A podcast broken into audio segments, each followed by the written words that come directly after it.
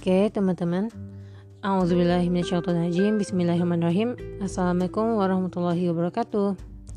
Apa kabarnya? Semoga teman-teman sehat selalu. Dan semoga iman kita dijaga sama Allah supaya nggak futur. Dan BTW uh, eh, Pembahasan kita hari ini itu berhubungan sama keimanan. Tema kita adalah istijat Jadi istijat itu adalah kondisi Di mana Seseorang Allah kasih nikmat yang banyak, seseorang Allah kasih kehidupan yang goal semua orang, tapi itu malah mengantarkan seseorang itu untuk semakin bermaksiat. Jadi dengan semua nikmat yang Allah kasih, ternyata itu tidak cukup untuk membuat seseorang itu beriman sama Allah. Nah, istirahat ini apakah suatu kondisi yang berbahaya?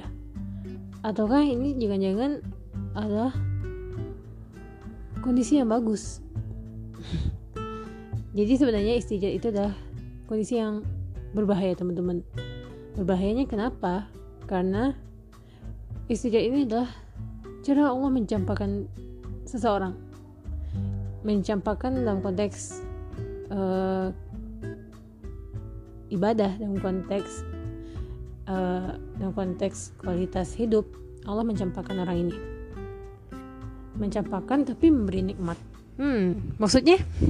Mungkin ada teman-teman yang nanya kayak gitu. Nah, cara Allah mencampakkan orang ini cukup mengerikan teman-teman. Nah, semoga kita nggak termasuk orang-orang yang istijat.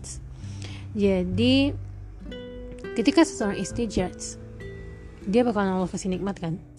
Dikasih nikmat yang banyak, dikasih kehidupan yang goals, dikasih uh, finansial yang bagus, ekonomi yang bagus, jabatan yang bagus, dan segala macam yang mungkin semua orang pengen hal itu.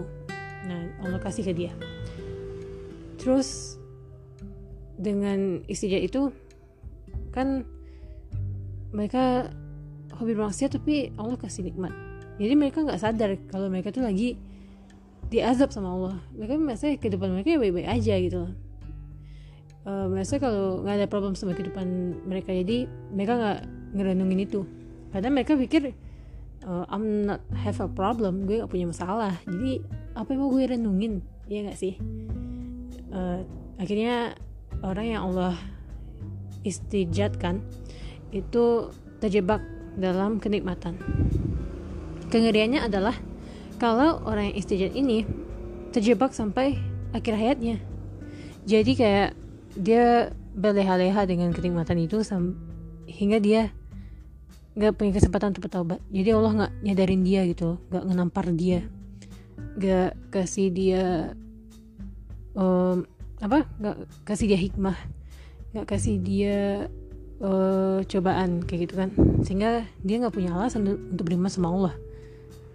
Dan sampai pada akhirnya dia nggak punya kesempatan untuk beriman.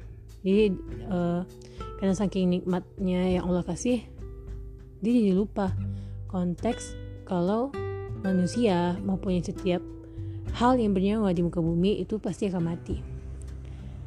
Nah, yang mengerikannya itu adalah setelah kematian. Jadi kayak sebenarnya istijat itu adalah azab yang Allah turunkan dan berupa nikmat.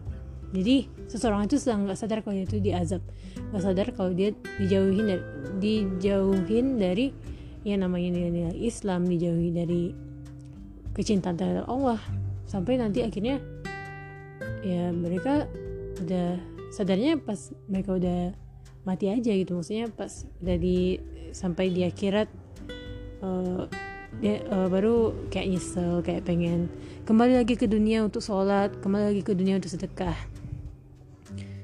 Pokoknya istijat itu adalah kondisi di mana akhirnya seseorang itu benar-benar Allah nggak nggak pengen lagi ikut campur sama urusan dia ya Allah nggak pengen ikut campur uh, bukan apa ya bukan nemusan dunia justru kayak Allah nggak peduli lagi dia mau beriman mau enggak. Dan Allah membiarkan mereka begitu aja. Yang perlu diingat soal istijat adalah aku ngebaca dalam surat Al-Hadid ayat 20 aku cuma ngutip beberapa bagian aja. Jadi dalam Al-Hadid ayat 20 itu intinya adalah janganlah seseorang itu merasa bangga dengan kekayaan dengan anak-anak dengan istri mereka dengan perhiasan yang mereka miliki. Karena itu seperti uh, gandum yang keemasan dan petani merasa senang dengan itu. Tapi kemudian kamu lihat dia layu dan dia akhirnya oh binasa.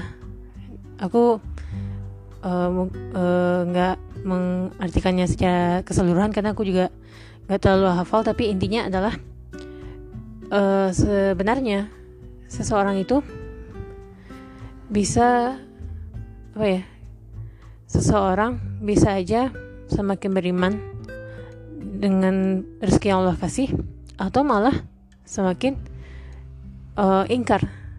Jadi kita bisa milih kita pengen jadi orang yang beriman atau pengen jadi orang yang ingkar salah satu contoh orang yang beriman walaupun dia dikasih kekayaan sama Allah adalah Nabi Sulaiman alaihissalam. Nah jadi Nabi Sulaiman alaihissalam walaupun dia dikasih kekayaan luar biasa sama Allah sampai-sampai dia bisa memimpin kaum jin, bisa memimpin uh, binatang kayak gitu kan semua makhluk muka bumi ini Nabi Sulaiman yang mimpin pada masanya. Tapi itu tetap bisa membuat Nabi Sulaiman, Sulaiman itu beriman dan percaya sama Allah. Dia tetap bisa mempertahankan keimanannya walaupun uh, dia dikasih nikmat yang luar biasa. Itu malah membuat dia semakin beriman sama Allah. Tapi uh, kekayaan juga bisa bikin kita istijat kayak yang aku bilang tadi. Contohnya Korun. Korun, Fir'aun dan geng-gengnya raja uh, kaum Ad, Samud, mereka itu semuanya Allah kasih kekayaan. Tapi ternyata kekayaan itu nggak cukup untuk bisa bikin mereka beriman sama Allah. Kayak Korun Allah kasih dulu Korun itu sebelum dia kaya. Ini sedikit flashback sama kisahnya Korun sama Nabi Musa Korun itu dulu adalah orang yang miskin teman-teman jadi dia miskin tapi dia itu soleh dia itu rajin sholat dia itu kalau kita kan sekarang namanya masjid dulu apa ya namanya pokoknya dia sering ke tempat ibadah dia juga orangnya yang ramah baik kayak gitu kan uh, tapi suatu ketika Korun itu merasa jenuh dengan kehidupannya jadi kayak dia mis uh, jenuh dengan kondisinya miskin Uh, terus akhirnya si Koron minta sama Nabi Musa supaya dikasih kekayaan. Finally dia dikasih kekayaan. Tapi ternyata kekayaan itu adalah malapetaka buat Koron.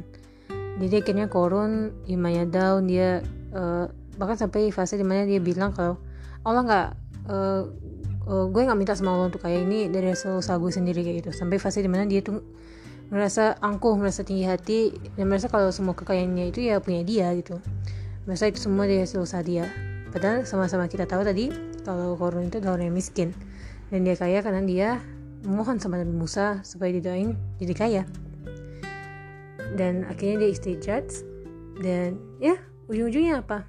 Karena dia istijat, Korun malah akhirnya ditenggelamkan ditenggelamkan sama Allah karena kondisinya yang dengan nikmat sebanyak itu ternyata malah dia tidak mampu beriman lagi sama Allah. Terus contoh kedua juga ada Fir'aun. Fir'aun itu dikasih jabatan yang bagus sama Allah. Jujur, di luar kekufurannya sama Allah itu sebenarnya Fir'aun itu memiliki strategi uh, strategi dalam uh, politik yang cukup keren teman-teman. Jadi kayak dia bisa bikin orang-orang tunduk sama kekuasaannya, bisa kayak bikin orang nggak berani untuk melawan dia kayak gitu kan. Tapi dengan semua hal yang Allah kasih ke dia itu ternyata itu nggak cukup untuk bikin dia beriman. Sama khususnya kayak korun. Jadi intinya aku nggak bilang kalau dalam kehidupan dunia kita nggak perlu cari kekayaan nggak. Aku nggak bilang kayak gitu karena untuk bisa untuk bisa berpengaruh untuk bisa bermanfaat buat orang lain kita juga butuh materi kita juga butuh uh, namanya ilmu kita juga butuh namanya pekerjaan supaya nantinya uh, kita bisa uh, memiliki uh, peran untuk orang-orang sekitar kita. Jadi nggak mungkin kan kalau kita nggak uh, punya apa-apa tapi kita pengen berpengaruh buat orang. Ya nggak mungkin. Kita mulai dari cari materi dulu cari ilmunya dulu baru kita bisa memiliki peran untuk orang sekitar kita. Tapi jangan sampai kita menjadikan hal-hal ini kayak finansial karir dan segala macam itu sebagai prioritas. Nah, kita boleh mengincarnya, tapi itu karena kita sebagai manusia juga membutuhkan materi, membutuhkan ke uh, membutuhkan keperluan dunia, tapi kita nggak memprioritaskan itu gitu. Jadi walaupun kita kaya kita ini kita itu segala macam tapi jangan sampai kita menjadi orang-orang yang akhirnya kufur akhirnya kayak kita lupa sama nikmat Allah. Uh, dan satu lagi uh, kalau seandainya ada kondisi di mana kita merasa kalau padahal gue kan rajin ibadah padahal gue uh, nggak juga nggak pernah ninggalin sholat segala macam tapi Allah nggak kasih gue ekonomi yang bagus. Tenang guys. Uh, kayak apa ya? Allah ingatlah kalau Allah itu nggak bakal nguji seseorang melainkan orang itu memang sanggup untuk memperoleh ujian itu. Jadi stay strong stay stay bersahaja tetap semangat untuk bisa explore lebih jauh tentang Islam bisa explore lebih jauh tentang kebermanfaatan. Dan semoga Allah nggak bosan-bosannya kasih kita petunjuk nggak bosan-bosannya kasih kita ilmu supaya kita lebih semangat lagi. Supaya kita lebih termotivasi lagi dan semoga kita semakin pede lagi supaya kita semakin pede lagi bisa ketemu Allah dan Rasulullah. Oke, sekian dulu untuk hari ini. Kalau teman-teman mau koreksi, ya wajar karena aku manusia. Semua kesalahan yang aku omongin hari ini tuh murni dari aku. Sedangkan kalau ada yang baik itu semata-mata berasal dari Allah. Oke. Sekian dulu teman-teman. Makasih udah mau dengerin podcast aku hari ini. Semoga bermanfaat. Assalamualaikum warahmatullahi wabarakatuh.